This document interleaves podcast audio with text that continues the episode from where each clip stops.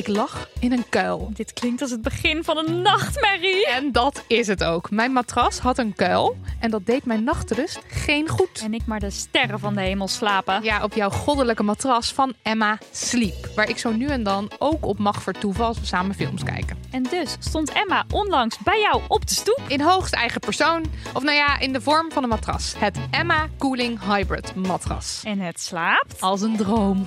Ook kuilvrij vertoeven. Op emma-sleep.nl krijg je sowieso al korting waar je u tegen zegt. Maar met code DAMNHONEY aan elkaar geschreven krijg je daar nog eens 10% bovenop. Ter ere van 40 jaar Nacht van de Poëzie verzamel ik, Bianca Schrijver, buitengewone verhalen van gewone mensen in de podcast Nu je het zegt. Verhalen over veranderende vriendschappen, kleine heldendaden en ook over wachten op de dood. Ik bedoel, ik heb zeven jaar geleden dacht ik van ja, mijn pensioen ga ik niet halen. Omlijst met de mooiste optredens op de Nacht van de Poëzie hoor je elke aflevering één verhaal. Je moet er niet zo lachen, want ik Luister nu je het zegt hier in je podcast-app. Dag nobeltjes en nobel, nobelinnetjes. Nobeltjes. Nobel, nobeltjes. Nobelletjes. Nobelletjes. Huh? Nobeltjes, nobelletjes en nobelinnetjes. Welkom bij Damn Honey.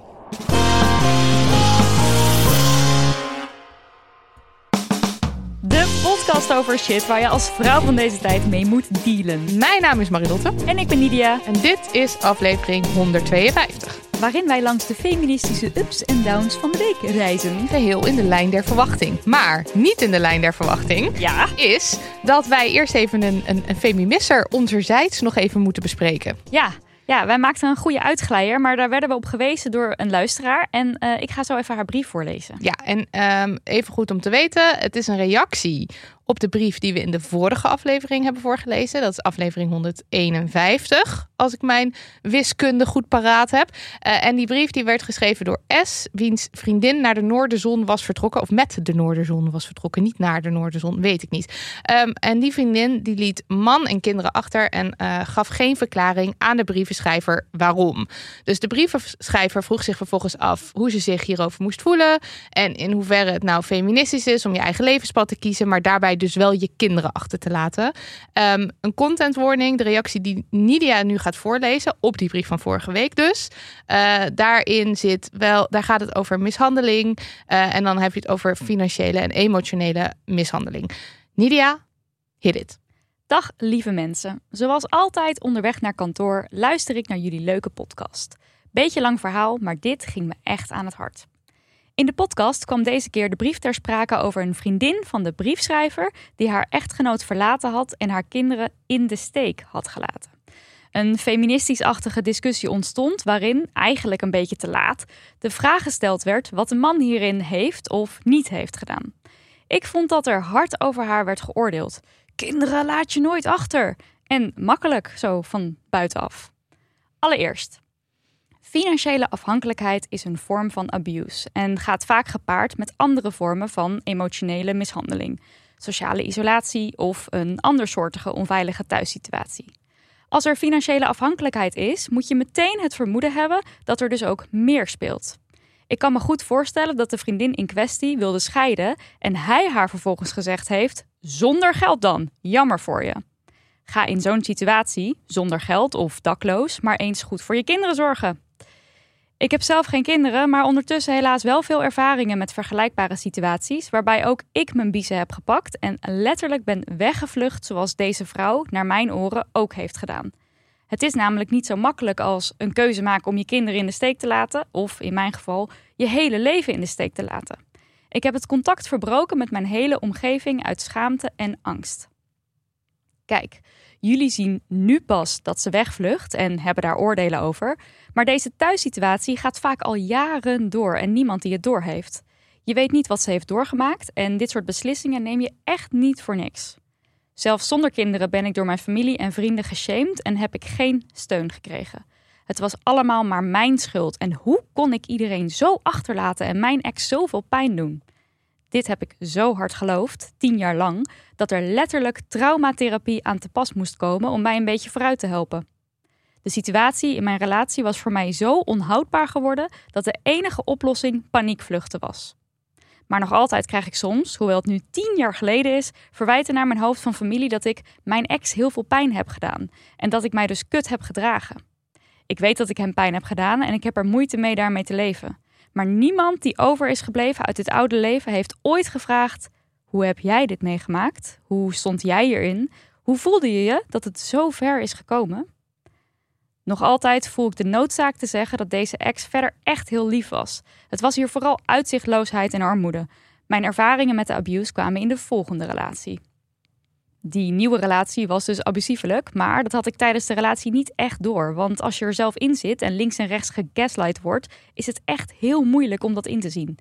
Hier was ik financieel in zijn geheel afhankelijk van mijn partner en er was ook sprake van emotionele mishandeling, gaslighting.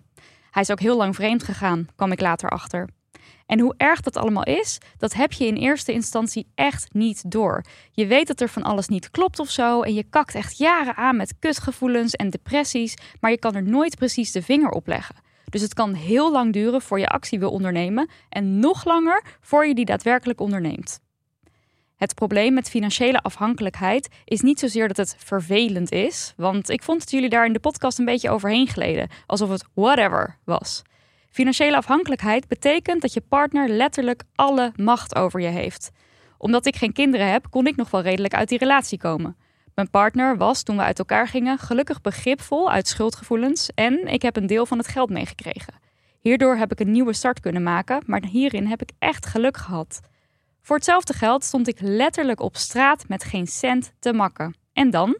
En als je dan ook nog eens kinderen hebt?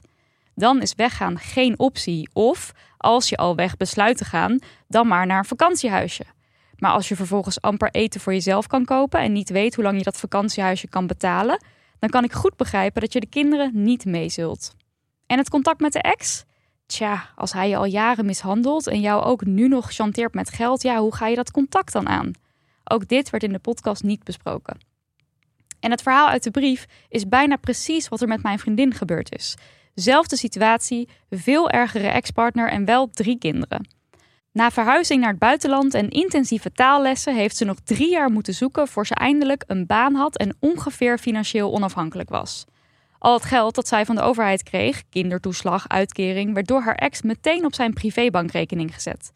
Ze kon geen winterjas voor haar kind kopen zonder dat hij ervan wist en toestemming verleende. En dit was het topje van de ijsberg in hun relatie. Ze heeft uiteindelijk een baan kunnen vinden en zodra ze het contract had, is ze letterlijk de week daarna van hem gescheiden. Ze verdiende minimumloon, maar haar ex-man zei: Ja, sorry, geld van het huis dat we samen gekocht hebben, dat krijg je niet tot de rechter er wat over zegt. Alimentatie krijg je ook weinig tot niet en zoek het eigenlijk maar uit qua geld. Ze leeft nog steeds in armoede omdat de rechtszaak zo lang duurt en het is nu drie jaar geleden. En hoewel het volgende wat ik schrijf ook heel ongezond is, dat weten we allemaal wel, is het in zo'n stresserende en emotionele periode heel makkelijk om jezelf over te geven aan weer een nieuwe partner die je hopelijk, please, toch een beetje kan helpen. Dat kan op financieel vlak zijn. Ik hield van mijn nieuwe vriend toen, maar ik was nooit zo snel gaan samenwonen als ik er financieel beter voor stond. Uh, het was dat of dakloos. En of op emotioneel vlak kan iemand je bijstaan. Iemand die jou wel lief vindt en niet veroordeelt. En dan krijg je dus dat iemand wegvlucht met een ander. Een soort extreme rebound. En eigenlijk ga je daardoor dus van de regen in de drup. Je voelt je alleen op de wereld, boos, niet gesteund. Je hebt geen cent te makken en wellicht niet eens een dak boven je hoofd. En ondertussen brullen mensen dat je je kinderen in de steek laat of niet goed verzorgt. En dat je met een ander bent. Die ene persoon op de wereld die wel wat liefde voor je toont. Sorry, maar hoe heeft het allemaal zo ver kunnen komen dan? De vrouw in kwestie hier dus, die haar kinderen achterliet, zo zie ik het een beetje voor mij. Ze heeft geen geld. Echtgenoot had al tijdens haar huwelijk geen zin om ervoor te zorgen dat zij financieel onafhankelijk is. Dus ik kan me niet voorstellen dat hij daar nu wel zin in heeft. En Sinterklaas mag weten wat er nog meer voor vreselijke shit gebeurde bij haar thuis. Dus hoe kan zij nu overleven? Laat staan met kinderen. Dus de kinderen blijven dan maar bij de financieel stabiele partner. En zij vertrekt en probeert haar shit op orde te krijgen. En je vraagt je misschien af, waarom vraagt ze niet om hulp? Dat is ongelooflijk moeilijk.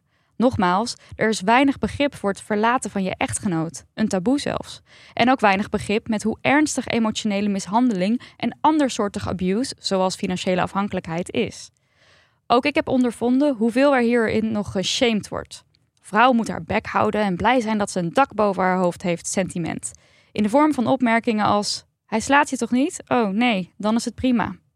En misschien in het geval van de vrouw in kwestie is dat zelfs wel het geval. Weten wij veel? In de ontzettend moeilijke periode waarin zij nu verkeert, kan ik mij heel goed voorstellen dat ze inderdaad een ander ontmoet en even een break nodig heeft. Goed te praten richting de kinderen? Nee, want die vragen zich af waar mama is. Maar ik vraag me ten zeerste af of dit mama's schuld is. Want wat de fuck heeft papa en omgeving al die jaren gedaan dat mama op deze drastische wijze vertrokken is? Dus, aan de vriendin van deze vrouw. Ik snap dat je boos bent, want je hebt ook ongewild moeten opdraaien voor deze situatie. Maar begrijp alsjeblieft ook de schaamte die hierin zit. Zij is nu nog meer de boosdoener. Ex wordt als het slachtoffer gezien. En het is ontzettend moeilijk uit te leggen wat er gebeurt in iemands hart en hoofd. Zeker in zulke moeilijke situaties. De schaamte weerhoudt je echt en voor een goede reden. Zie hoe judgy iedereen hier zonder alle info of context al over doet. Doe voor haar wat niemand voor mij deed. Vraag gewoon eens: hoe gaat het nou echt met je? Vertel dat je je zorgen maakt, dat je bang bent dat ze een hele moeilijke thuissituatie heeft of gehad heeft en vraag wat je voor haar kan betekenen. Zonder judgment, maar met liefde en neem ook eens contact op met Veilig Thuis voor advies. Liefs. Zo. Integraal voorgelezen. Jezus, me Oeh, jeetje mensen. Oh, ja. Wat een glijer van ons. Ja. Mijn onbewuste gevoel was toch... Ja, als, als er sprake was van mishandeling, dan had die vriendin dat wel geweten. Of de brievenschrijver, dan had S dat wel geweten. Dan had ze daar wel een zweempje van meegekregen. Ja. En dat is natuurlijk zo ongeveer mythe nummer één. Dat je kan weten wie, wie een eh, abuser is. Of dat je weet van, oh ja, die relatie, dat zit zo. Ja, dat want hoef je niet te weten natuurlijk. dat ehm, eh, degene, dus zeg maar de briefschrijver van nu dus zegt... niemand vroeg aan mij, hoe gaat het nu echt met je? Ja. Dat opende wel even mijn ogen. Ik heb hier dus wel aan zitten denken. Ik zei vorige week al, wat, heeft, wat doet die man? Ja. Wat heeft die man gedaan? Hallo, waarom... Waarom zij is dit zo? Waarom is dit zo? Maar ook daarin heb ik niet... Want ik, ik heb later ook nog een gesprek gevoerd met Cato hierover, over de brief. En zij was... Eigenlijk haar eerste reactie was meteen kwaad op die man. Wat ik Oh, gewoon een hele grappige... Ja. grap- want dat, ik moest daar echt naar gestuurd worden, zeg maar. Dat ik, dat ik dus blijkbaar niet uit mezelf die vragen stel. Maar meteen aannames heb in... Oké, maar als zij vrienden zijn... dan zal zij wel op de hoogte zijn van hoe die situatie eruit zag. Ja, dat is dus bij mij. Dat, dat, dat je dan dus meteen aanneemt, dat zal wel niet aan de hand zijn. Want dan had het wel in die brief gestaan van S. Ja, Terwijl S, die kan het wellicht helemaal niet weten. We weten niet wat Nee. de situatie is. Dat is gewoon het hele ding. Wij weten het niet. S weet het misschien dus ook niet, want taboe, want schaamte. Ehm, maar deze kijk op de zaken is gewoon een hele belangrijke en goede die wij compleet gemist hebben. Ja. En ehm, ja dankjewel. daarvoor ook excuses en heel veel dank inderdaad dat je dit helemaal zo wilde opschrijven naar ons. Ja, en eh, ja, ik denk, dit heeft wel meer mijn, mijn mededogen weer even aangezwengeld. Ja, ja. Want ja. dat, is, dat is nodig in zulke situaties. Het is een hele intense situatie. En ik snap ook nog steeds wel dat de briefschrijver op de hart getrapt is. Tuurlijk, maar dat is ook, daar is natuurlijk de briefschrijver van deze week. Die snapt dat ook Ja, helemaal. ja. En die mailde ook nog even erachteraan. Ik wil ook nog even vooropstellen dat kinderwelzijn natuurlijk altijd voorgaat. Niet dat ik de indruk wek dat dat niet zo is. Alleen ik kan me goed indenken dat deze vrouw nu even niet meer weet hoe het allemaal verder moet. En zelfs niet weet wat het beste is voor de kinderen. Ja, Dus daar gaat het natuurlijk het niet gaat om. om, het gaat meer over mild zijn naar en niet meteen hard oordelen. Want dat is juist het probleem eigenlijk natuurlijk. Waarom er zoveel schaamte en taboe is. Zelfs wij zitten hier met z'n vieren dan Ja, te zeggen, je schaadt de kinderen. En eigenlijk hadden we moeten zeggen, maar wat is er dan gebeurd? Ja. Wij weten dat niet. En dat financieel afhankelijkheidsstuk met verhuizen naar het buitenland. Ja, hoeveel, hoe groot die impact is. Daar, ik had daar gewoon niet bij stilgestaan. Nee, niet genoeg in ieder geval. Maar inderdaad, dankjewel. En sorry voor deze feminisser. Ja, Een goede glijer. een goede glijer. Ehm, zal ik dan ook eventjes een leuk bericht voorlezen? Ja? Beste Nidia en Marilotte, net voor de zomer bereikte ik het punt dat ik het tijd vond om mezelf beter te informeren over hedendaags feminisme en inclusiviteit. Ik ben een 54-jarige witte, single, queer, kinderloze ZZP-vrouw met drie honden en ik werk met kinderen van 8 tot 80. Leuk. kinderen van 8 tot 80. Ik voelde me van binnen wel feministisch, maar vond toch dat ik niet genoeg wist. Dus begon ik met wat podcasts van jullie te luisteren. Dat liep wat uit de hand.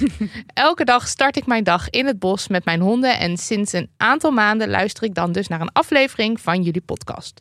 Soms voelt het als thuiskomen, soms voel ik me gehoord, soms op de vingers getikt en dan ben ik pissig en neem ik me voor om nooit meer te luisteren.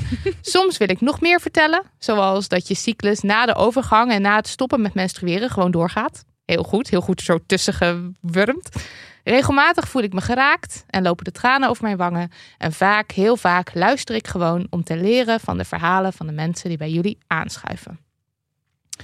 Nog ongeveer een jaar aan afleveringen te gaan. November 2021 tot en met eind 2022. En dan ben ik helemaal bij.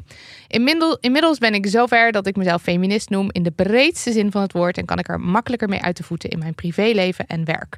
Dank jullie wel, meiden. Keep up the good work. Ik kom met een plus 1 all-round allround 50 plus feministen naar de show in Tilburg. Heb er nu al zin in. Met vriendelijke groeten, Tessie. Ik moest een beetje huilen toen ik deze las. Ik vond het zo leuk en lief. En Tessie zullen we vrienden worden, want je hebt drie honden en je werkt met kinderen van 8 tot 80. En I just love it all. I just love it all. Also yes, also too.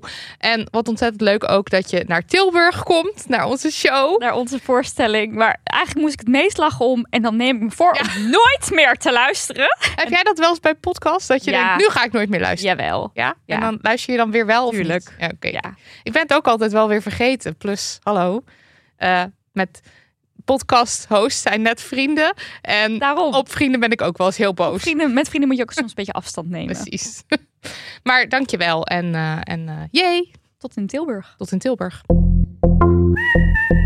Ja, hoi. Namens onze sponsor dating app Hinge hier een bericht. Hinge is designed to be deleted. Je downloadt de app, vult je profiel in en vindt er hopelijk the one. Zodat je de app daarna weer van je telefoon kunt gooien. Vorige aflevering doken we het profiel in dat ik had gemaakt. En wat je nog altijd hebt. Nee, ik heb, ik heb de app. Nee, serieus. Ik heb de app nu echt van mijn telefoon Echt? gegooid. Ja, echt. Niemand gelooft dit. Jij vindt het veel te leuk op Ja, Hinge. Maar nu echt, echt. Nou, ik echt. ben trots. Ja. En Hinge ook, want designed to be deleted. I know, En is jij bent het voorbeeld daarvan. Heel goed.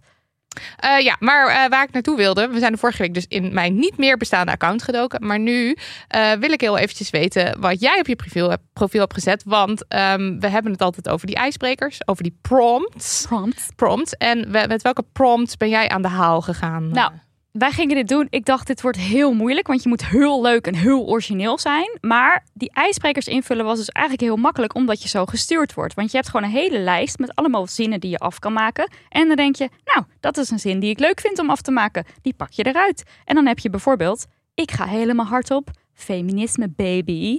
Zodat dat maar meteen duidelijk is. Precies, kaf van het koren, we zeiden Ehm, het al eerder. Precies. Wat je ook kan doen, is een foto toevoegen bij sommige prompts. Dus ik had bijvoorbeeld bij mijn uniform een foto geplaatst van mij bij een XR-protest. Mhm. Vuistje in de lucht. En als eh, humble brag dat ik bij een graad of vijf eh, in de gracht lig. Ja, een foto daarvan. Ja. en eh, aan alle activisten en koude types melden zich bij je al.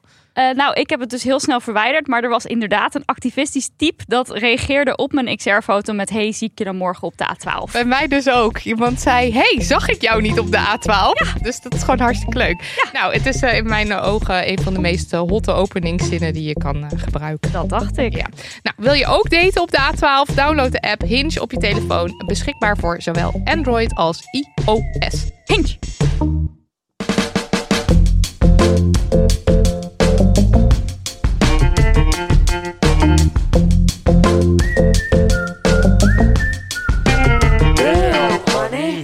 Nidia, Letitia, Louise Van Voorthuizen. van Voorthuizen. Als ik nou ook nog Daniels achternaam erachteraan plak. Van de poppen. Van de poppen.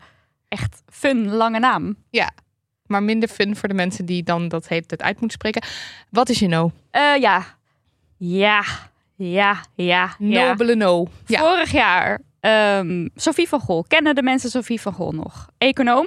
Schreef het boek Waarom vrouwen minder verdienen. En ze was bij ons te gast. En ze was bij onze gast. Ze schrijft ook een eh, column voor het Financiële Dagblad. Ze had vorig jaar een hele campagne opgetuigd. over Equal Pay Day. Zo van, we gaan die loonkloof dichten. En ik was zo van, yeah, Yeah. Sophie, yeah, go, go, go. We gaan het allemaal doen, go, go, go. En wat lees ik dan deze week in de krant? De salariskloof. loonkloof is groter. Ja, de salariskloof tussen mannen en vrouwen is gegroeid. Zo blijkt uit het Nationaal Salarisonderzoek 2023. dacht, Maar ik ga- zoals jij zegt, de loonkloof is groter. Ik dacht, ik ga het nu, ik ga het gewoon vrolijk zingen en dan lijkt het iets leuks. Oh ja, nee, dat is heel slim wel Ja, om dan, dat blijft, te doen. dan blijft de stemming upbeat. Ik, ik dacht niet leuk. Ik dacht, potverdikke me. Ja, ik Wat ook. heb ik nou weer aan mijn broek hangen? Hoe weet kan het. het nou weer achteruit gaan? Ik dacht dus stilstand daaraan, tot daaraan toe. Nou, het was elke keer een heel klein beetje naar Ja. beneden aan het gaan. ja, want wij, wij moeten, wij hebben, de- wij, wij hebben het soms in, over de loonkloof in onze boeken. En als onze boeken geüpdate moeten worden, dan, Dan zitten we het. Op, te, op te zoeken. En het begon Ja. met 15, het was het 14, het was het 13. En toen dachten we, dit gaat lekker. Ja, nou oké, de loonkloof. Het is dus echt een verschrikkelijk ding om over te moeten praten. Al helemaal als je dyscalculie hebt, geen enkele weet hebt van getallen, van economie. Echt zielig. geen enkele kennis van zaken hebt. Ehm, maar we gaan het nu even hebben over de eh, loonkloof betreffende gelijkwerk. Hetzelfde werk. Het gaat over hetzelfde werk. Ja, dus ja, oké. Dat, dat mannen en vrouwen hetzelfde, Hetzelfde werk doen. doen. En hetzelfde aantal uur ook? Of mag ik dat niet vragen? Ehm, dat is volgens mij gecorrigeerd. Dus dat is er ook uitgehaald. Oké, dus, het gaat echt hetzelfde werk. Gewoon, ze doen helemaal hetzelfde. Ja. Ja. Zie je, ging je nu alweer een vraag stellen waar ik angstig van word. Oké, nou. We zullen Dat- het wel horen. Dat verschil in salaris, dat is dus eh, in 2023 tot 7,4% toegenomen. Dus eh, in 2021 was het juist gelijker aan het wo- eh, worden ten opzichte van het vorige onderzoek. Ja. Toen lag het op 5%, maar nu is het dus 7,4%. Oh, dit is En- dat stukje, dit is dat stukje loonkloof dat onverklaarbaar is. Ja. Waar alle, zeg maar, waar alle verklaringen die ze hebben gewoon op uitgehaald zijn. Dit, Ja. ja. en het is gewoon een onverklaarbaar, puur vanwege het Precies. seksen, genderverschil, Ja. is dit. Want als je dus, eh, zeg maar, stel je zou alle verklaringen ehm, eh, eh, eh, gewoon het e- op één grote hoop gooien, Ja. mannen versus vrouwen, en dus niet kijken naar wat voor werk of deeltijd of anything, dan verdienen vrouwen 36% minder dan mannen. Ja, dus dan is het een gigantische kloof. Ja, maar ja, dat krijg je dus ook omdat vrouwen zoveel onbetaald werk moeten doen. Ja. En wat wij dus zien als, oh, dat is niet belangrijk, dat is nou eenmaal onbetaald voor de kinderen zorgen, mantelzorg, het huishouden, eh, al dat soort taken, dat doen heel veel, dat doen voornamelijk vrouwen, dat doen vrouwen meer dan mannen. En dat wordt dus niet betaald, dat wordt niet gewaardeerd in onze samenleving. Eh, en dan krijg je dus dat ze dus qua betaald werk eh, minder werk doen. Maar als je kijkt naar hoeveel werk ze in het algemeen doen, mannen en vrouwen, doen ze dat eigenlijk basically hetzelfde, werk. Hetzelfde, ja. Alleen het ene zien wij als werkwerk en het andere zien we als, oh ja, maar dat is gewoon gezellig met de kinderen zijn, dus dat telt Dat is lekker zorgen en dat komt vrouwen Eh, gewoon heel natuurlijk aan. Ja, maar oké, we hebben dus nu over het niet verklaarbare deel van de loonkloof. En dat is dus iets wat gestegen. Dus je hebt het echt over Jantje doet X, Annie doet ook X. Maar Jantje krijgt op jaarbasis bijna een maandsalaris meer. Hè? Ja. Want als je dus die 7%, 7,4% even doorrekent, kom je dus bijna op een maandsalaris de dertiende maand. Zou je kunnen zeggen. Die Ja. krijgt Jantje wel en Annie niet. Ja. Ehm, dit mag natuurlijk helemaal niet. Sinds 57 staat in de Europese wet. Iedere lidstaat draagt er zorg voor dat het beginsel van gelijke beloning van mannelijke en vrouwelijke werknemers voor gelijke of gelijkwaardige arbeid wordt toegepast. Ja, altijd heel binair, hè? dit soort eh, onderzoeken als je het hebt over loonkloof en zo. Mannen, vrouwen, non-binaire mensen bestaan niet in deze eh, onderzoeken, wat eh, shit is. Hoe moeilijk is het ook om gewoon dat mannelijke en vrouwelijke weg te laten? De- Gewoon zeggen, alle werknemers ooit, Nou, ever. Ik denk toch dat ik niet weet of ik het daarmee eens ben. Nee? Nee. Waarom niet? Nou, omdat het dus juist heel belangrijk is. Kijk, dit gaat nu over mannen en vrouwen. Ja. Maar je zou eenzelfde onderzoek natuurlijk kunnen doen over bijvoorbeeld mensen van kleur en witte Ja, nee, mensen. dat is waar, ja. En het is soms ook juist goed om de verschillen te benoemen, omdat je kan aantonen aan de hand van de verschillen van hé, hey, dit is fucked up. Ja. Nou vind ik ook dat er in de wet moet staan iedereen altijd gelijke beloning. Wat voor werk, als je hetzelfde werkt, moet je gewoon gelijk beloond worden. Dat vind ik ook. Maar dat soms dingen actief benoemd worden, is denk ik wel ook goed. Alleen, eh, ik wou het toch even noemen van we gaan weer heel erg mannen, vrouwen, mannen, vrouwen, mannen, vrouwen. Hier ja, in nu. plaats van dat Omdat we... het dus non-binair zijn, wordt ook niet meegenomen in deze Ja, nee. onderzoeken. Oké, nou dat hebben we duidelijk. En Wat door. zou nou die groter wordende loonkloof kunnen verklaren? Er spelen twee grote dingen. Oh jee, wat Hoog. zijn het? Hoge inflatie. Oh ja. spullen, diensten. Alles de is afgelopen duur. jaar allemaal flink duurder geworden. Dus vroeger, vroeger 2021, kon je met 1 eurotje nog eh, van alles doen. Nu kan je helemaal niks meer doen. Ik hoorde euro. dit, deze zin exact mezelf laatst zo zeggen. Toen dacht ik echt, je kan echt veel minder doen met 1 euro. Nou, en dat is ook Het echt is zo. waar. Ik ben ook eventjes ge- de statistiek. Ja, ik heb echt grafieken zitten bekijken en percentages. En er was een knaller van een uitschieter in 2022 qua inflatie. Zat het echt op Mm. 9% of zo ten opzichte van het jaar daarvoor. Eh, terwijl het, het veel vaker gaat over anderhalf procent of 2 procent. Maar oké, ook dit zou misschien wel hele grote onzin kunnen zijn. Want ik snap niks van getallen. Nou, niet jezelf zo naar beneden praten. Jij kan ook heus wel een grafiekje een grafiek lezen. Twee. Eh, dus één, inflatie zou eh, een verklaring kunnen zijn voor de grote wordende, loonkloof. Twee, krapte op de arbeidsmarkt. Dus we hebben heel veel werk beschikbaar, Ja. maar veel minder mensen die dat werk willen of kunnen doen.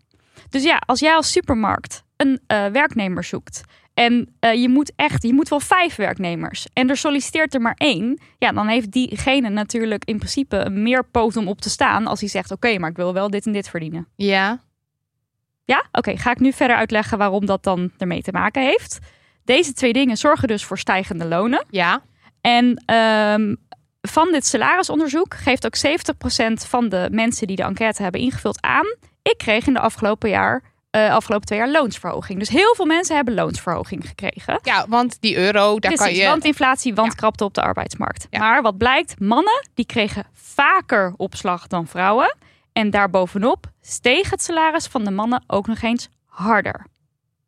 Ja. Ja, laat dat maar even tot je doordringen. Precies, ik ben, ik ben ook alles aan het verwerken. Ja. Nou, en dat zie je dus bij alle opleidingsniveaus terug. Ehm, met een gemiddelde van 16,4% loonstijging bij de mannen.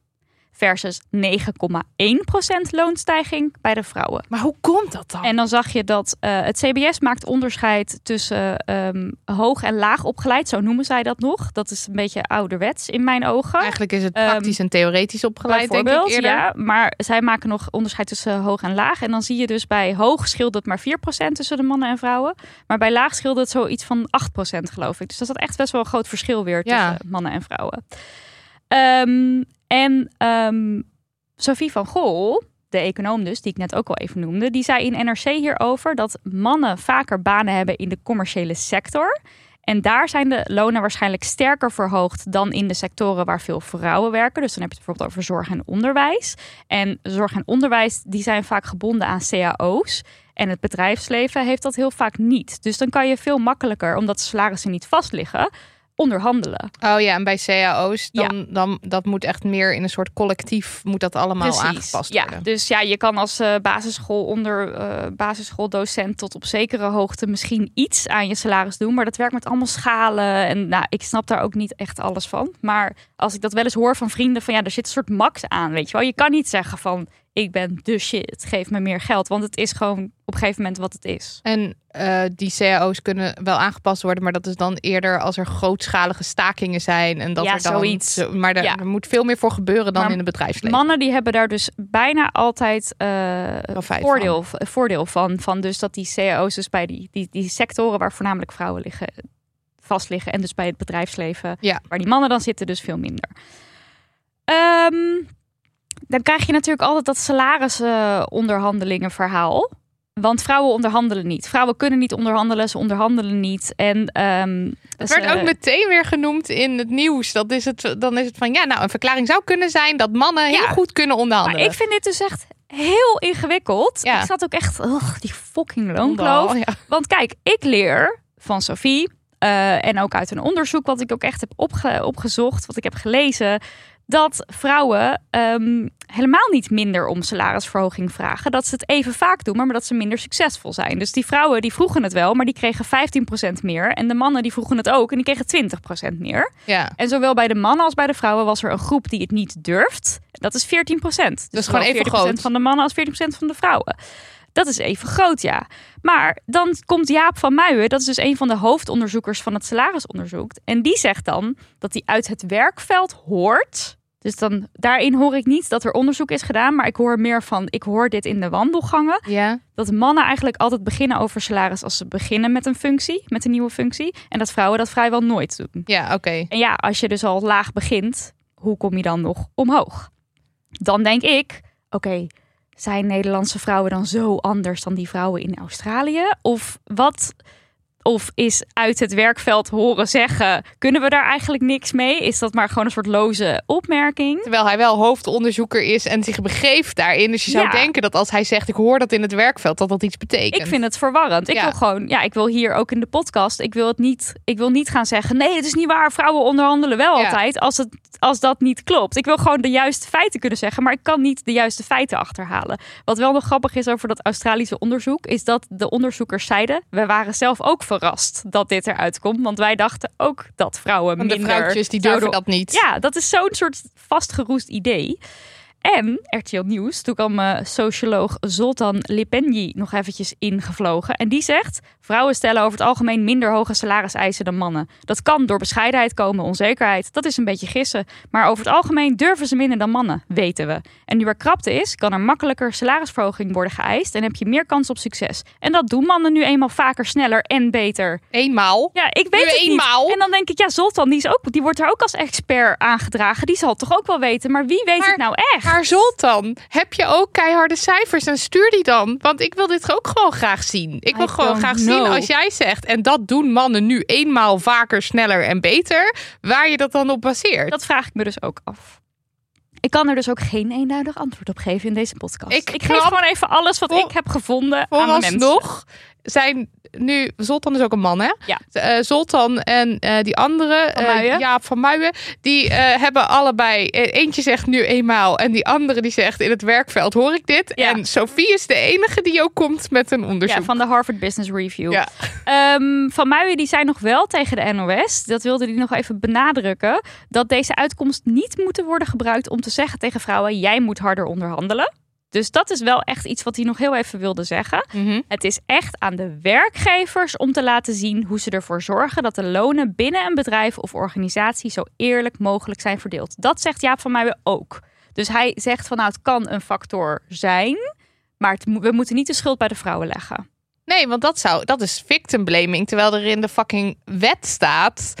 mannelijke en vrouwelijke... of eigenlijk alle werknemers moeten gelijk behandeld Ja, worden. Dan heb je ook nog loonkloofonderzoeker Babette Pauwels. Komt ook uit NRC dit. Eh, die heeft onder andere voor het College voor de Rechten van de Mens... onderzoek gedaan naar salarisverschillen. En zij zegt dus in die NRC... dat vrouwen doorgaans als minder sympathiek worden gezien als ze onderhandelen. En dat vrouwen vaak al bij het begin van de nieuwe baan... lager ingeschaald worden dan mannen. En dat is wel ook echt een groot probleem. Want Ja. stel je begint je functie... Je wordt lager ingeschaald, dan kan je wel ehm, salarisverhoging krijgen, percentueel. Maar ja, je loon blijft dus wel lager. Want dat percentage, als de man 10% krijgt en de vrouw krijgt ook 10%, in Ja. het beste geval krijgen ze allebei 10%, Dan gaat het wat om dan een- niet altijd zo is. Om een, om een daadwerkelijk bedrag wat, wat ook al verschilt. Precies, ja. En dan heb je ook nog eens eh, dat in sommige functies, als je een nieuwe functie krijgt, zeggen ze: Oh, welke loon, wat, wat kreeg je dan bij je vorige werkgever? En als jij daar dan dus eerlijk je, je loonstrookje overhandigt en je was al te laag ingeschaald, dan zet je die trend eigenlijk alleen nog maar voor. Ja, en het idee is dus mannen die bluffen... Voort. Mannen die bluffen zich er eerder doorheen. Of die zeggen dan, nou, ik verdiende zoveel. En Ik weet, ik weet dus ook oprecht niet of het nou echt alleen maar die mannen en dat bluffen is. Want dat staat dus wel. Dat zeggen die. Ja. Dat zegt zo'n Zoltan bijvoorbeeld. Maar ik denk ook van oké, is dat het? Of zijn het ook gewoon werkgevers die van tevoren al ideeën hebben over mannen en vrouwen en wat die horen te verdienen en hoe zij zich ehm, gaan gedragen? Ja, of is Dus- het werkgevers die van tevoren denken... ja, ik ga gewoon als, als, als ze niet bluffen of vragen... ga ik het ook niet zelf aanbieden? Meer ja, geld? dat kan. Dat kan. Ja, en daar, daarvan zou je natuurlijk kunnen zeggen van ja, eh, ze, ze komen Dus- er zelf niet mee, dan ga ik het ook niet geven. Ook. Ja, en ergens snap ik dat idee, maar omdat er in de wet staat en om- eh, omdat het gewoon in Ja, beginsel moet het het. probleem is ehm, voor hetzelfde werk. En dit blijft gewoon een terugkerend ding. Ook hier weer, ook tussen het CBS, die ook dit soort onderzoeken doet, en dan dit onderzoek. Het blijft maar het ding van, ja, maar wat is, het, wat is hetzelfde werk? Ja, In hoeverre is ervaring belangrijk? In hoeverre is je leeftijd belangrijk?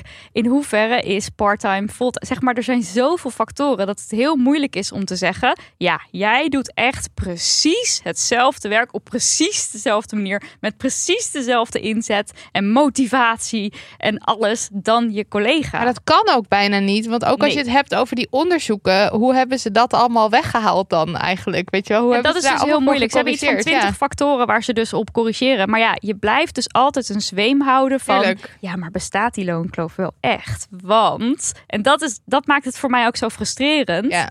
dat je altijd dat zweempje van ongeloof hebt of zo van, nou dat kan, nee, maar dat, nee, maar die vrouwen die, er komt altijd zo'n soort van Ja. zinnetje En achteraan het is natuurlijk, het om is het naar beneden te halen. verdeeld over zoveel werkgevers. Er zijn zoveel werkgevers in Nederland. En als jij, jij hebt een paar werknemers en die betaal je uit. En je bent misschien wel in de, ver- over, in de veronderstelling dat je het eerlijk doet. Omdat je, en, dan, en dan word jij meegenomen in de grote berg aan Ja. statistieken. En Ja. dan wordt er gecorrigeerd. En dan blijkt uiteindelijk dat ook jij deel uitmaakt van die, waardoor die ongelijkheid. Ja, maar je bent in de veronderstelling dat je het goed doet. Ja, dat zou kunnen. Ja, dat, dat is bij heel veel bedrijven ook zo. Want heel veel bedrijven denken dat ze het goed doen, maar in feite kunnen maar weinig bedrijven laten zien dat ze het ook echt goed doen. Ik Ja. wil nog even heel kort terug naar dat inschalen, eh, dat lager ingeschaald worden. Want ehm, eh, Babette Pauwels dus ook, die ik net al noemde, die zegt ook in NRC, mannen worden vaak beoordeeld op hun potentieel, wat zij nog kunnen laten zien. ja, ja. Vrouwen vaker op hun prestaties in het verleden. Dus van hen wordt doorgaans geëist dat zij zichzelf nogmaals bewijzen. Dus dat zou ook dat lager inschalen wat ik net zei. Van komt het nou alleen maar door de bluff of komt het ook doordat er gewoon een bepaald idee is over man is dit, vrouw maar, is dit. Maar dit doet me wel ook heel erg denken aan het gesprek wat we hadden over bijvoorbeeld ehm, eh, jongens en meisjes in het onderwijs en of ze wel of niet een technisch profiel Ja. kunnen Ja, eh, hebben. Met Want, Saharia Degari, ja. ja. en toen hebben we het daarover gehad. Want, want toen heeft de organisatie VHTO een onderzoek gedaan waarbij ze een fictieve student hebben bedacht. En toen hebben ze eh, die fictieve student eerst Thomas genoemd.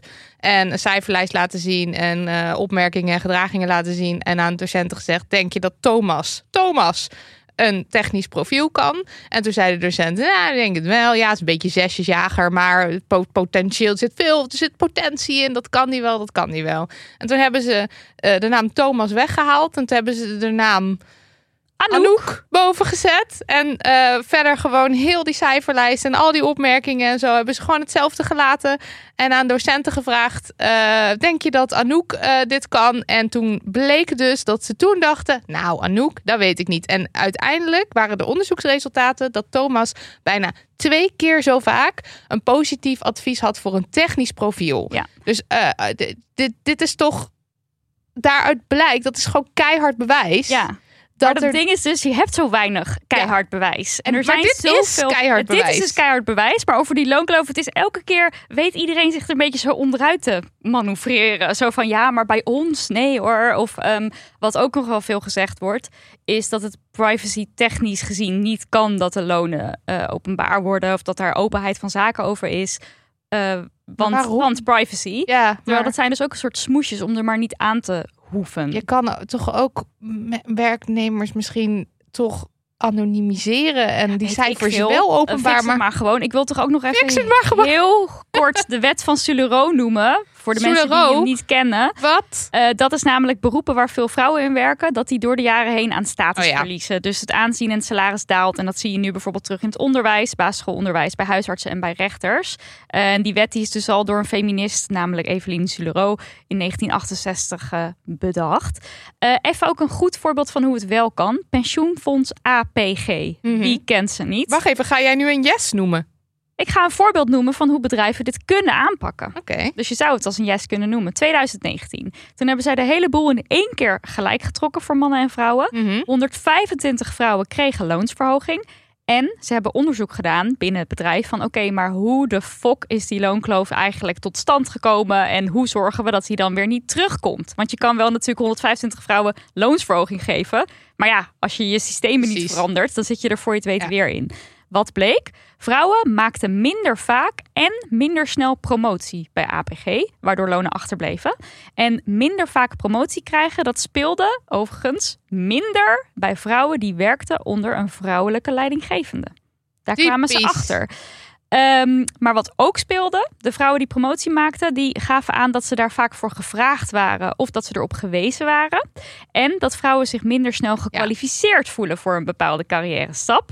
Ehm, en dan zegt ehm, eh, de CEO van APG, eh, APG in dit artikel even gechargeerd, waar een man bij wijze van spreken al een gooi durft te doen als hij aan vier van de tien functie-eisen voldoet, achten vrouwen zich bij negen van de tien nog niet gekwalificeerd genoeg. Ja, maar in dit, ik heb het gevoel dat we dit dus heel erg vaak al genoemd hebben, ook in onderzoeken, da- dat dat de hele tijd naar voren komt. Ja, ja Dat ook met, eh min- vacatures. Ja, Ja, dat vrouwen minder snel het idee hebben dat ze aan eisen voldoen en mannen gewoon denken, ja, dat goed. Ja, maar ik zou wel zeggen, aan de hand, het is één casus, maar aan de hand van wat, hoe dit bedrijf het heeft aangepakt. Nou, neem het Ja. dus serieus, breng het in kaart, dicht vervolgens die kloof en doe onderzoek om te kijken van waar komt dat nou eigenlijk vandaan. En dan vervolgens speel in op de uitkomsten van die onderzoeken.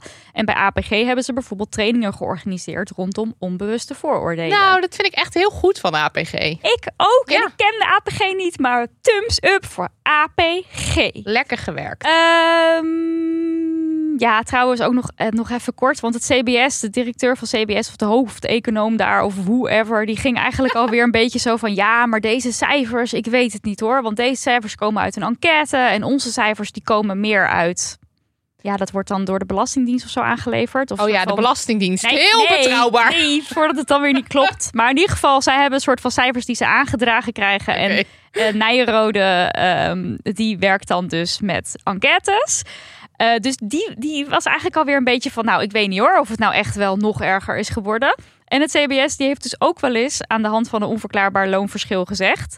Het onverklaarbare loonverschil tussen mannen en vrouwen geeft een voorzichtige indicatie van het bestaan van beloningsdiscriminatie, maar vormt hiervoor geen bewijs. Dus ook het CBS is eigenlijk heel terughoudend hierin. Mm. En dat mag allemaal. Want ik snap ook als onderzoeker, Ja. het is ook een heel gecompliceerd verhaal. Maar het helpt natuurlijk niet als we de hele tijd zo zijn van, nou ja, hmm, moeten we het echt discriminatie noemen dat we altijd elke keer weer terugzien dat vrouwen toch wel structureel ietsje minder betalen. Een paar procent. Moeten we dat zien als discriminatie? Nou ja, ik zou zeggen van wel. Maar ik denk ook, wat zou het voor negatief effect hebben als we nu gewoon zeggen, ja, het ja, gebeurt. Het is zo. Ja, Het gebeurt en Ja. we gaan nu kijken, we gaan nu onderzoeken, we gaan kijken om het op te lossen. Nou. In plaats van dat je de hele tijd zegt, nou, ik weet het niet. Eh, ons Jaap van Muien, Oh, ons wel bekend. Oh, Jaapie, ja. Die zei nog wel eventjes daarop als reactie van het CBS van ja, dat klopt niet hoor, wat jullie nou al hebben uitgesproken. Die zegt van nou, wij hebben dit onderzoek vijf keer gedaan en tot nu toe laten de CBS-cijfers altijd dezelfde trend zien. Want dat volgt dus elkaar op deze onderzoeken. Dus je kan eigenlijk gewoon heel goed zien wat wij doen, klopt dat met wat de ander doet. Oh ja. En hij zegt dus, uit de CBS-cijfers zal gaan blijken dat dit dus daar ook naar voren komt. We gaan het meemaken. Nou, Sophie van Gol die heeft ook nog een eisenlijstje. Want het eindigt ook gewoon concreet met wat we dan in hemelsnaam moeten doen.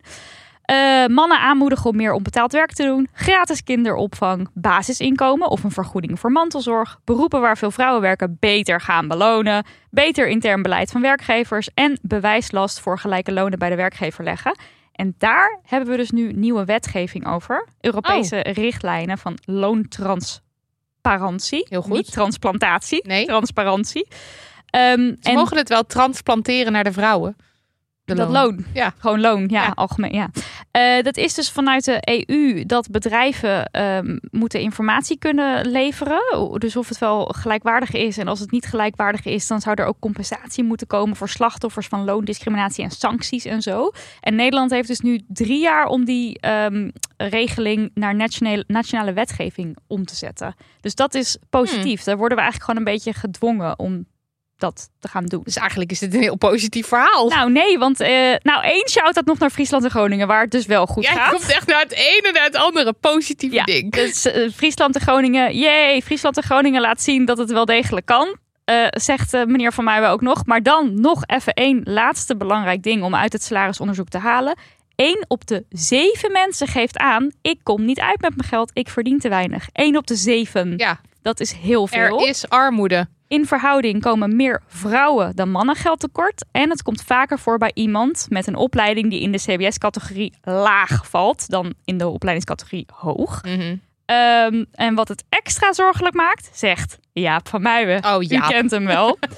Ehm, dat de Nederlander die met zijn opleiding in de CBS-categorie laag valt, ruim een kwart per maand te weinig verdient om de uitgaven te dekken. En bijna de helft geen buffer heeft om financiële tegenvallers op te vangen. Oh mijn god, en we hebben het de vorige keer gehad over armoede. En over hoe De- dat gewoon helemaal... Doorwerkt op je hele leven. En dat is zoveel stress. Ja, dus los die fucking armoede op. En die fucking loonkloof Ja! dan ook meteen. Wakker worden! Volle aandacht, plaît, merci. Bedankt voor onze sponsor Emma Sleep. Emma Sleep is the place to be voor al jouw slaapbenodigdheden. We noemen een matras, een bokspring, een kussen, een topper, een beddengoed. Wij zelf liggen alweer een tijdje eh, op het kussen, dat ben ik, hallo, het kussen. Eh, en het matras, Nidia, het hallo. matras. Nidia, ja, is hallo. Het matras. Eh, en uit ervaring kunnen we zeggen, het leven is een stukje beter sinds Emma ons vergezelt in de nacht. Ja, mijn slaaptrekker die laat de ene na de andere groene nacht zien. En groen, dat weten we allemaal, is is goed. goed, is goed. Maar genoeg over ons, mensen. Want Emma is er niet alleen voor de homo sapiens. Nee, zeker niet. Ze is er ook voor de Canis lupus familiaris. Beter bekend als de, De hond. hond. Ja, je trouwe viervoeter, je maatje, je schat, je beestie. Je ligt in donkere tijden. Nou, mijn schat die me beestie, me ligt in donkere tijden, die ligt al dagelijks op een Emma matras, namelijk mijn matras. Maar ik weet dat er heel veel mensen zijn die dat heel goor vinden, zoals Marilotte Hagen en haar vriendin Cato. Vooral Cato. Eh vooral Cato, of gewoon onhandig, of het past niet in je bed. Maar dat betekent niet dat je beestie, je schatje, maatje nooit het comfort van een Emma matras kan ervaren. Want Emma heeft sinds kort ook hondenbedden. Canis lupus familiaris bedden. Ja, want een hond heeft namelijk ook een ruggengraat. Oh ja? En gewrichten. God. En meer van dat soort. En goede ondersteuning wordt dus ook door je hond gewaardeerd. En het hondenbed van Emma is uitgerust met memory foam voor goede uitleiding van de ruggengraat. Ik denk dat jouw Toby Toby mans de enige is die nog liever in bed ligt dan ik. Dat denk ik eigenlijk ook. Als Ja. je hem een slaaptrekker om zou hangen, dan, dan knalt die neongroen. De, de hele wereld staat dan in de fik van die Oh, slaaptrekker. Ook nog even handig om te weten. eh, de hoes kan in de was. Dus ja, eh jouw hondenbed, hondenbed blijft gewoon lekker fris. Goed voor Cato om dit even te weten. Ga naar emma-sleep.nl. Daar vind je de hondenbedden, maar dus ook matrassen, kussens, boksprings en een beddengoed. eh, alles wat een mens kan en wil gebruiken. Als je hond plek voor je wil maken. tenminste. Ja, precies. Ja. Ja. Met de aan elkaar geschreven code DAMHONEY krijg je bovenop de wellicht al geldende korting nog eens 10% korting. Emma-sleep.nl Damn honey yes, damn damn honey yes. Het zou leuk zijn als het nieuwe tune al bestaat, want anders denken mensen, wat doet die meid? Ja, maar dit is dan anders een voorproefje. Ja, we, zijn echt helemaal met een upgrade bezig. Dus eh, dat komt binnenkort. Ehm, ja, nou, ik had dus best veel Jessen. Ik moest van alles schrappen. Nou, Ja, Dus ik zeg. heb er, heb er even twee gekozen. één langere en een, en een korte. Ga er lekker Eh, zitten. Ja, maar dit is, ik bedoel, hoe vind je die? Ik heb had er gewoon te veel. Geestig, Heerlijk. frappant, Ja, dat is eigenlijk nooit. apart. Ja. En jij met al je Jessen net? Nou, ik weet niet hoor. Als je daar Ik heel veel. Jessen, dan heb Ik- zit jij, jij zit in je lente Ja. of in je zomer. Dat kan niet Dat is anders. wel echt zo. Ehm, ik wil het eventjes hebben over iets wat ik helemaal niet uit kan spreken. Komt ie? Nabel Nobel, Nobelprijs. Nee, maar doe nu eens echt je best. Nee, ik kan het wel. Kan je het? Nobelprijs. Dat is het toch? Ja, dat klopt. Oké. We hebben ooit een keer een hoofdstuk voorgelezen van... Toen nog heb je nou een vriend. Nu shit waar je als vrouw mee moet dealen. Ja, onze boek, ons boek. Eh, uit onze boeken, ja. En toen heeft Marilotte Nobelprijs echt wel duizend keer opnieuw moeten doen. Echt. Omdat Duizend ik de keer. hele tijd zei Nobelprijs. Nobelprijs. Ik kreeg het gewoon mijn bek niet meer uit. En- ik weet niet wat er misging, maar ik kon het gewoon niet zeggen. Ik lees het dus nu ook als Nobelprijs. Ja, ik ook. Maar ik leg heel vaak de verkeerde klemtoon. En dan, dat doe ik met woorden. En dan soms kan ik gewoon niet meer bedenken hoe je een woord uitspreekt. Goed, Nobelprijs. Anyway, Nobelprijzen. Heel nobel van Heel- jou. Ja, precies. Ehm, hoe zit dat met die Nobelprijzen? Ja. ja. Ehm, het is, nou ja, ik Leuk denk... dat je het vraagt. Ja, hoe zit het, Nidia? Go! Jij hebt hiervoor gestudeerd, toch? Ik ga je over horen. Nee, ehm, dit is de hoogste prijs die je als wetenschapper kunt winnen. Dat wist ik. Ja, want iedereen kent het. Het Ja. is natuurlijk, het is niet eens. Ik bedoel, ik was een beetje zo in die prijzen die je als wetenschapper dan zo al kan winnen. Maar er zijn, er zit dus een hele grote geldprijs aan vast ook. Je zit op iets van een miljoen euro. Een miljoen? Ja, en je mag dus, ja, iets minder. Maar, eh, want het is in, de, in, in Zweedse kroon of zo omgerekend, baba. Maar je mag dat dus naar believen uitgeven. Het hoeft niet eens naar je onderzoek of zo. Dus er zijn mensen die dan gewoon, weet ik veel, nieuwe schoenen of een nieuwe auto kopen. Die Gaan een mogen gewoon halen. helemaal, precies. Die, mo- die mogen gewoon helemaal zelf weten wat ze ermee doen. Daar, dat heb ik net Maar geleerd. dat lijkt me een leuk artikel. Hoe deze Nobelprijswinnaars hun geld uitgaven. Ja, dat- En dan zo tien verschillende Ja. mensen. Die tien verschillende. Maar het zal wel heel erg nat dan zijn om er nieuwe schoenen van te kopen. Nou ja, eh, ik kan me nu eventjes niet meer voor de geest halen. Maar eh, in de, ik heb een podcast geluisterd ondertussen, ondertussen in de Cosmos of zo van de Volkskrant. Ja. En daar hadden ze dus een paar, ehm haalden ze een paar no Nobelprijswinnaars winnaars aan.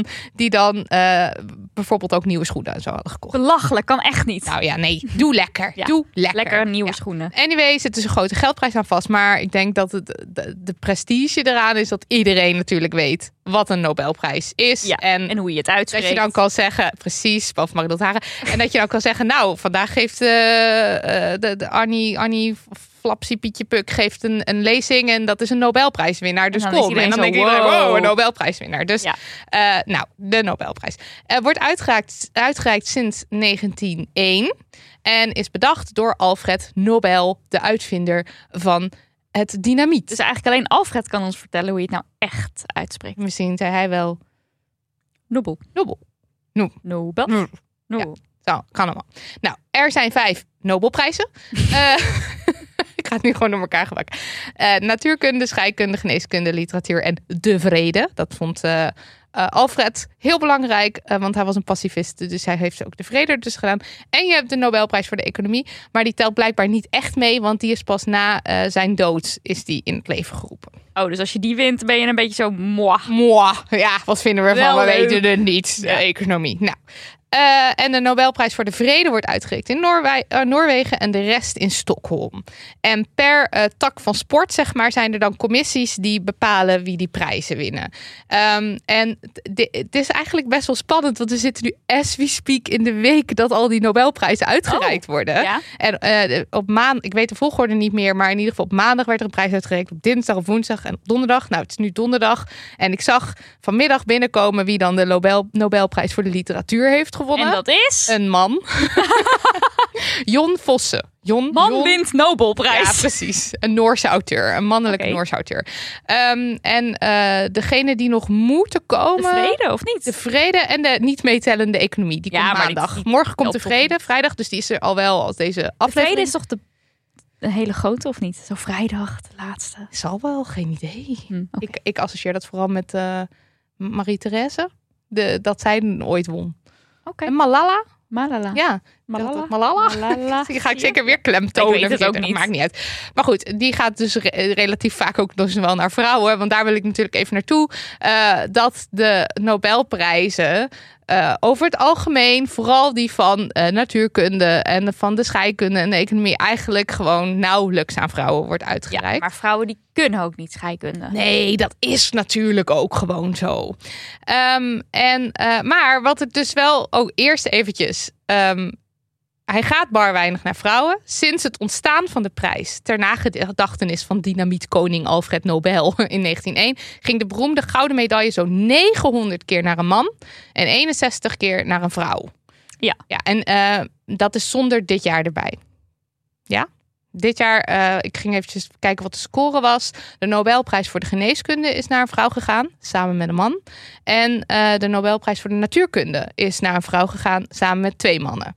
En de score nu is dat er, eh, even kijken, zeven mannen en twee vrouwen een prijs hebben gekregen. Deze Dus de mannen zijn ja. weer eenmaal lekker. Nou, ehm, er stond een verslag in de Volkskrant met ook allemaal foto's van de sessiehal, waar dan de boel wordt aangekondigd wie dan die prijs heeft gewonnen en zo. En Is er ook een shortlist? Of weet je het gewoon echt niet? Zit je gewoon thuis een beetje een Nee, banaan te ze eten? houden dat echt heel erg geheim. Maar ik weet even Nee, niet of die oké. nominaties... Ja, zijn er nominaties? Dat weet, Weet je, niet. soort van, ik ben runner-up voor de...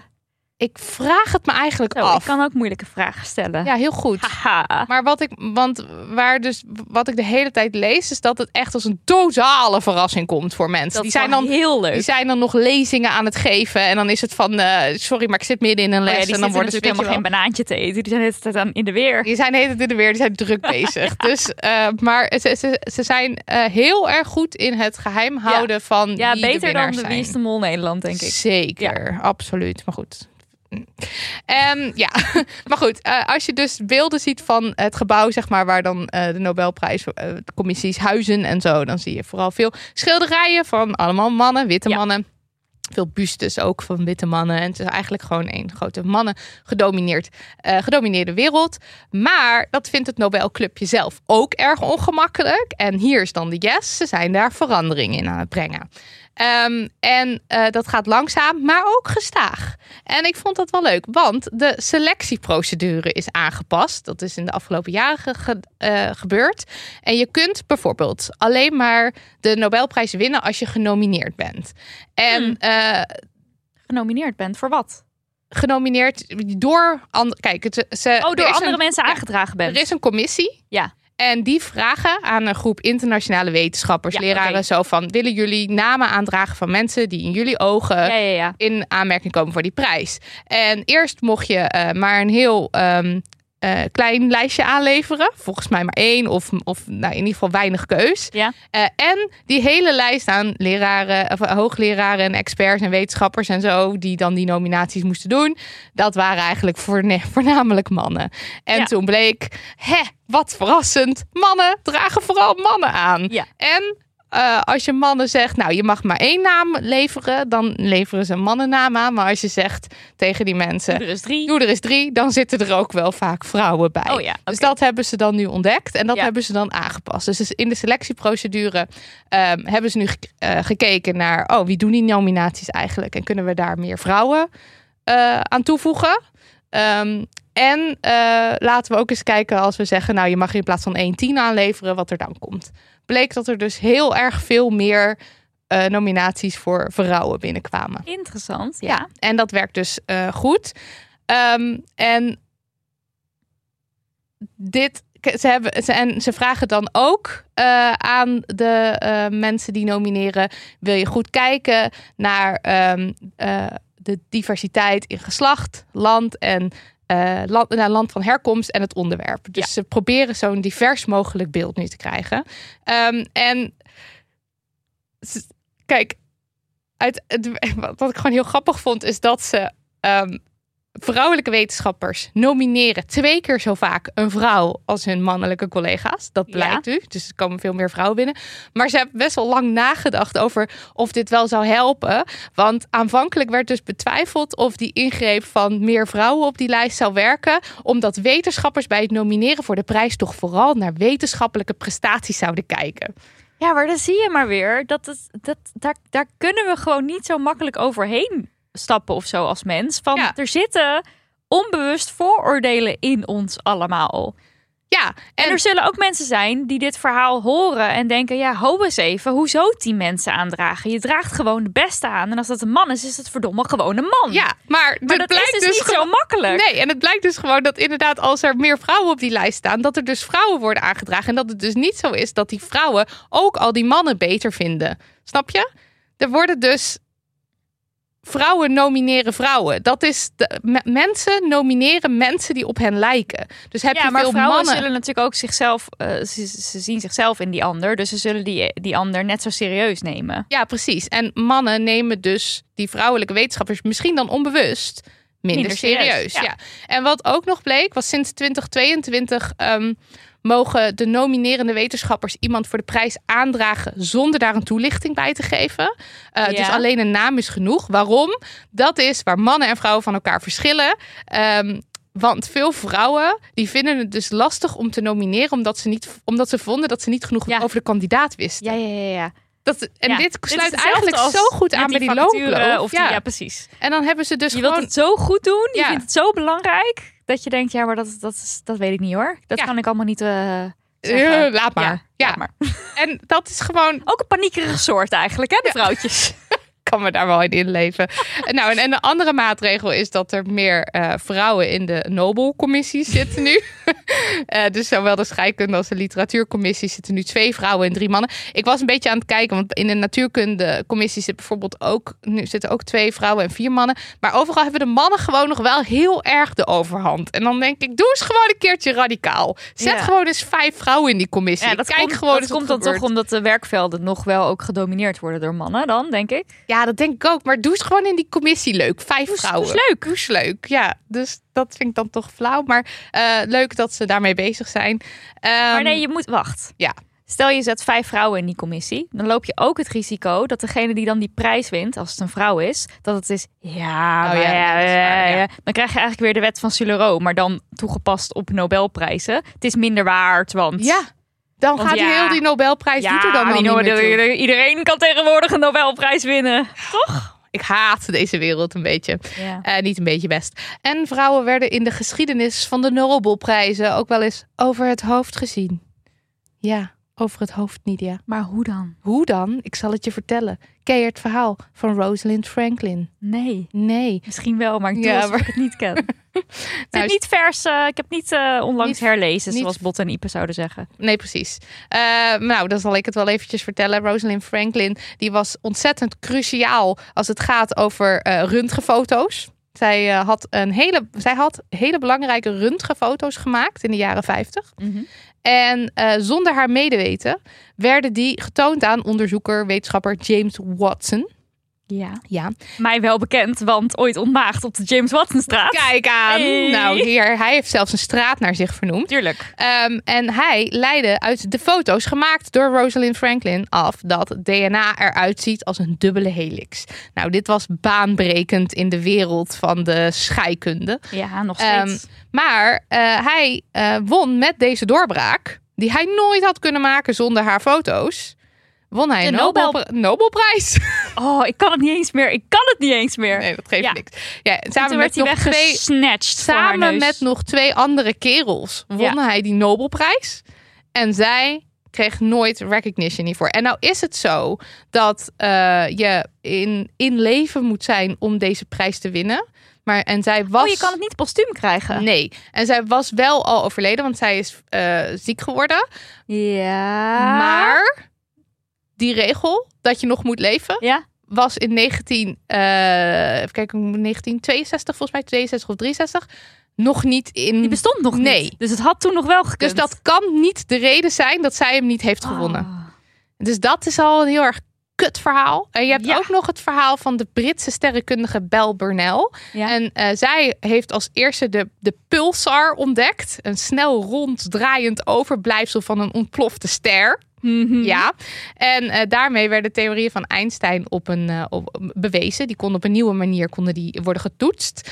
Eh, en Bell deed haar ontdekking met behulp van een telescoop van haar mannelijke begeleider Anthony Hewish. En wie denk je dat die Anthony US. Ja, die ging er gewoon vandoor. Dus zeg maar, een criticus, dit heb ik uit een artikel van, van de Volkskrant. Een criticus noemde het daarop de Nobelprijs, omdat zij Bell heette en geen prijs kreeg. Oh, Nobelprijs. Maar het was eigenlijk gewoon. Ja, en zij heeft dus zelf gezegd eh, dat ze het niet zo erg vond, allemaal. En zo was Ja. het nu eenmaal in die ja, dagen. maar nee, dat mag dat dus ook is niet, niet, Bel. hoor. Nee. Bel, Bel Burnell.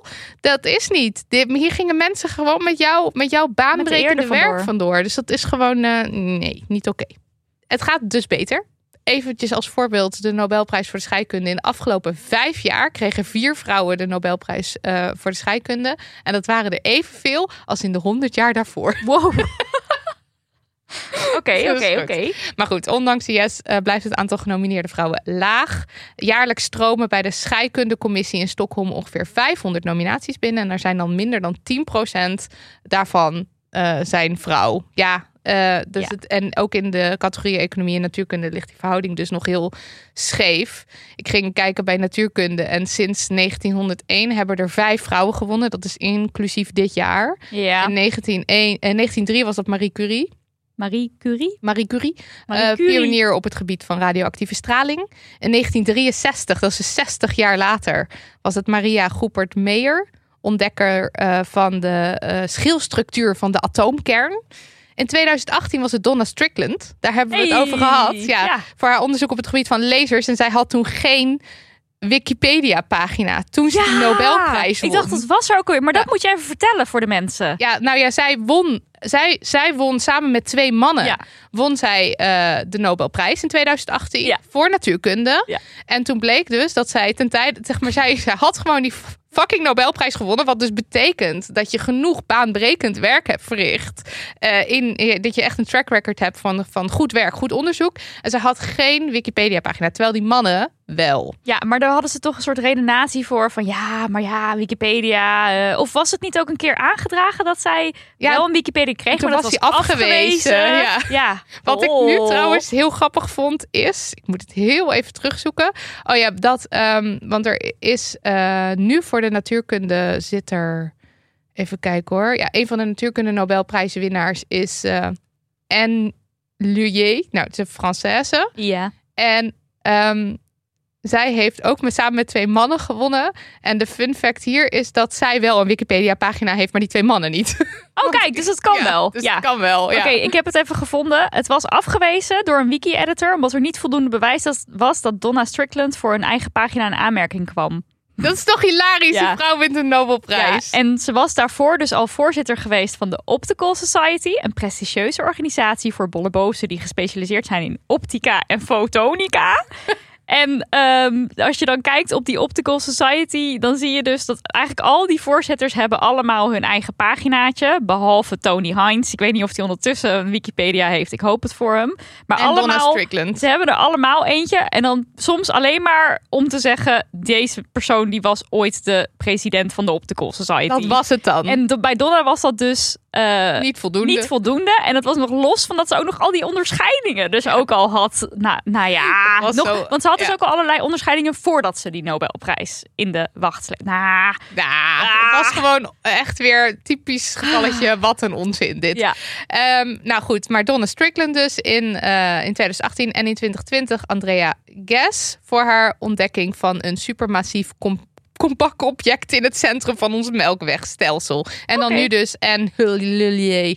eh ja, die. eh, maar eh, ehm, het is dus wel echt altijd, als je kijkt naar de vrouwen die een Nobelprijs hebben gewonnen van eh, natuurkunde, is altijd met een man of een groepje mannen, weet je wel. Terwijl er ook heel vaak gewoon alleen een man in zijn eentje heeft gewonnen. Ja. Dus dat, nou, nou ja, goed. Daar heb je ook meningen over. En de ik. Nobelprijzen leven ook nog een beetje in het verleden. Want bijvoorbeeld Anne Lullier, wat ik dus echt niet uit kan spreken, krijgt mijn bek niet uit. Maar eh, ik weet ook niet. Maar ehm, zij legde het grondwerk ehm, voor de techniek waar dan nu een Nobelprijs voor is uitgereikt. Ja, Al in de jaren tachtig. Dus zeg maar, mensen Oh krijgen ja. prijzen voor iets wat ze 30 jaar geleden hebben gedaan. En ook toen was 30 jaar geleden stonden er echt heel anders nog voor natuurlijk. ja, dus ik ben heel benieuwd hoe de Nobelprijzen dus over 30 jaar uitzien. Want als je dan nu dus... Als we er nog zijn. als we er Zure dark. Feministen aller.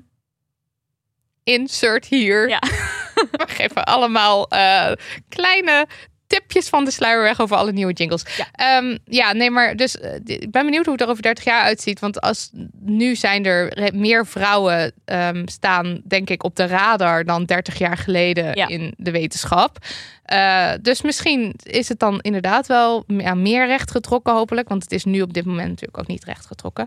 Nou ja, goed. Eh, veel winst te behalen eigenlijk nog wel. Maar ik vind het leuk dat ze zo mee bezig zijn. Want er Ja. zijn ook wel echt mensen die... De, die discussie daar bij die academie van de wetenschappen van Zweden... weet ik veel waar, wat Van de ze... Nobelprijzen. De Nobelprijzen, die, eh, die, eh, dat is gewoon heel erg gaande. Ik dacht wel, ja, toen zat ik een beetje naar die commissies te kijken. Naast man gedomineerd ook erg wit natuurlijk. Ja. Maar ja, dat, eh, dat is altijd met die elitaire clubs, Geneuzel. elitair geneuzel. Ja. Ehm, Het is net als met die loonkloof, ook daar. Het is niet alleen maar man-vrouw, maar goed, ja. ja, maar ook in onderzoek en zo hebben ze het inderdaad gewoon altijd over mannen en vrouwen. Ehm, dan, eh, hierop aansluitend wel, wil ik het toch heel eventjes, wil ik eventjes een evenement pluggen. Oh. Ja, want eh, op 13 oktober in de Volgende Rode Hoed, vrijdag. volgende week vrijdag Ja. in de Rode Hoed in Amsterdam is de geschiedenisles die je nooit hebt gehad, de zesde geschiedenisles die je nooit hebt gehad, is En dan. dat is erg fun. Dat Tenminste, erg fun. wij hebben er een paar mogen meemaken. en dat was erg geleerd, ja. Ja. Waar En het, gaat die dit keer over? het gaat dit keer over eh, klimaat, eh, feminisme en klimaat. Oh, dus ja. dat is leuk. Ehm, of misschien ook niet leuk eigenlijk, weten we nog niet. Ik denk dat het set is, maar wel interessant. Ja. Ehm, en ja, als we het toch hebben over vrouwelijke wetenschappers die in de geschiedenis over het hoofd werden gezien of in het algemeen zeg maar gewoon niet erkend worden of zo, net als met die Nobelprijzen, eh, dan is dit gewoon hartstikke leuk om wel heen te gaan, want hier worden vrouwen wel even in het zonnetje gezet. Eh, het wordt georganiseerd door F-Site en dat is opgericht door onze huishistoricus Mark Bergsma en zijn collega Agnes Kremers. De allereerste gast ooit, Mark Bergsma. En edu- educatieplatform F-Site geeft je geschiedenislessen eh, die afrekenen met de eenzijdige beeldvorming rondom historische vrouwen. Het is gewoon, zij waren gewoon zat van dat de verhalen over mannen de hele tijd verteld worden. En waar zijn de vrouwen? Die waren er wel. Maar er wordt niet genoeg over verteld, gepraat, geleerd. Dus zij doen dat nu met deze geschiedenislessen. Eh, en dit is dus een avond over feminisme en klimaat onder leiding van altijd, altijd Hunkar. Wat heel leuk Ja. is, want zij is dan zo hele strenge juf staat ze dan Ja. te zijn. Met zo'n stok staat ze dan te stampen en dat is heel erg leuk. Ehm, nou, er zijn interessante sprekers en eh, ja, Is daar ook al iets over bekend? ja, de, eh, de, een van de sprekers is activist en schrijver Filsan Osman. En zij vertelt over de vrouwengroepen die toen en nu voor een beter klimaat strijden. Ah, ja. En geeft ze de erkenning die zij verdienen. Dan is er natuurkundige en hoogleraar wetenschapscommunicatie Margriet van der Heijden. En eh, die geeft vrouw, vergeten vrouwelijke wetenschappers die al vroeg baanbrekend onderzoek deden naar klimaatverandering een podium. Oh, Heel ja. goed. Misschien kunnen de commissies Oh. van de Nobelprijzen ook meekomen hierheen. En eh, daarnaast brengen singer-songwriter Chihiro Geuzenbroek en Jijke Meijer een muzikale ode aan klimaatactivisme. En zij vertellen en zingen over de strijd die hun inheemse voorouders al hebben gevoerd. Nou ja, dit zijn gewoon hele leuke avonden. En wij mogen twee kaartjes weggeven. Dus dat is hartstikke enig. Feest! En ik zou Is het zeggen, feest? Het is feest, ja. Ik zou zeggen, check even onze post op Instagram eh, op zaterdag 7 oktober. Als deze podcast uitkomt. En eh, reageer met, eh, weet ik veel, ik wil winnen of zo. Ja. En als je nou geen Instagram hebt en je hoort Stuur het wel. mail. Stuur een mailtje, info.damhoney.nl. Ik wil winnen. Ik wil, ik wil winnen. En, En, dan wanneer, wanneer kiezen we de winnaar? Want je wil wel ook een beetje van tevoren weten dat je daarheen mag. gewoon op eh, maandag, denk ik. Maandag 9 oktober Kiezen we een winnaar. voor drieën moet de mail of de Insta-reactie binnen zijn. Ja, en als je dan niet een eh, mail hebt van je hebt gewonnen, Heb je niet dan moet je even gewonnen. een kaartje kopen. Gewoon als je er nog geen wil. Zijn er nog kaarten? Die zijn nog te koop. Oké. Ja, het is nog niet uitverkocht. Maar het gaat wel is- hard. Ja, We weten het is dat het eigenlijk gaat. altijd uitverkocht. Ja, dus eh grijp je kans. Leuk! Dit was aflevering 152. De show notes vind je op dammoney.nl slash aflevering streepje 152. En in de loop van de week verschijnt daar ook het transcript. Daniel van der Poppen, Lucas de Gier, Liesbeth Smit, bedankt. En Lucas de Geer dan extra, Extra bedankt. Ja, voor alle nieuwe jingles Als die we misschien hebben. dan nu al hierin zitten. hebben Maar misschien nog niet. helemaal niet. En dan is het leuk voor En de dan ook Lucas de Geer bedankt. Ja. Eh, bedankt transcript ballen voor het uittypen van de aflevering. Marleen, Marlou, Marloes, Elise, FQ, Shura, Barbara, Joan, Fenna, Sabine, Meike, Dirk, Laura, Lisanne, Rivka, Sabine en Hanna. Wij kletsen nog even door. Zoals altijd in de bonuspodcast. Je doet het er maar mee. En als je die wil luisteren, hè, dan kan ik me voorstellen dat je dat wil. Dat je dat wil.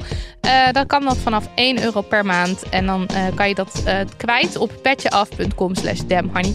Ja, terwijl die euro, daar kan je dus niks meer mee. Nee, behalve... Maar je- wij zijn nog steeds een euro. Ja, Al wij- die tijd bleven wij gewoon een euro. Moeten wij ook onze prijzen verhogen ja, vanwege de jou alweer glimmende oogjes krijgen. nou, ik weet het niet. Ze zeggen altijd 1 euro. Ja, Misschien zijn wij dan... wij blijven gewoon goedkoop. Ja? Ja, oké. Ja, is goed. Ja, heel graag. Ja, dus bij deze Wat mij betreft heel graag. Jij bent Nee, altijd streng. Ik ben de moeilijkste niet Oké, hoor. nou, Nee. voor een 1 Schatten. euro, Ja. 1 euro per maand. Eh, maar het mag ook meer. Want als je het kan missen, 3 euro per Ja, maand. het is wel inflatie hè mensen. Het Want is- het is voor ons ook inflatie. Eh, wat gaan we doen in de bonusaflevering? Wij gaan evalueren op hoe onze drie- 23 voor 23 list is. Want we hadden 23 dingen opgeschreven voor 2023 die we wilden doen. doen. Leuke dingen, irritante dingen. Ik ben dingen. ook echt het alweer maanden vergeten. Dus ik ben heel benieuwd of ik dingen heb gedaan. Ja, ik ook. nou, tune in op petjeaf.com slash damhoney. Of niet. Zelf weten. Dag. Doei. Op emma-sleep.nl vind je het lekkerste slaapgoed. Kussens, matrassen, de hele shabam. Gebruik de code DAMNHONEY, aan elkaar geschreven, om nog eens 10% extra korting te krijgen bovenop de kortingen die je al op emma-sleep.nl vindt.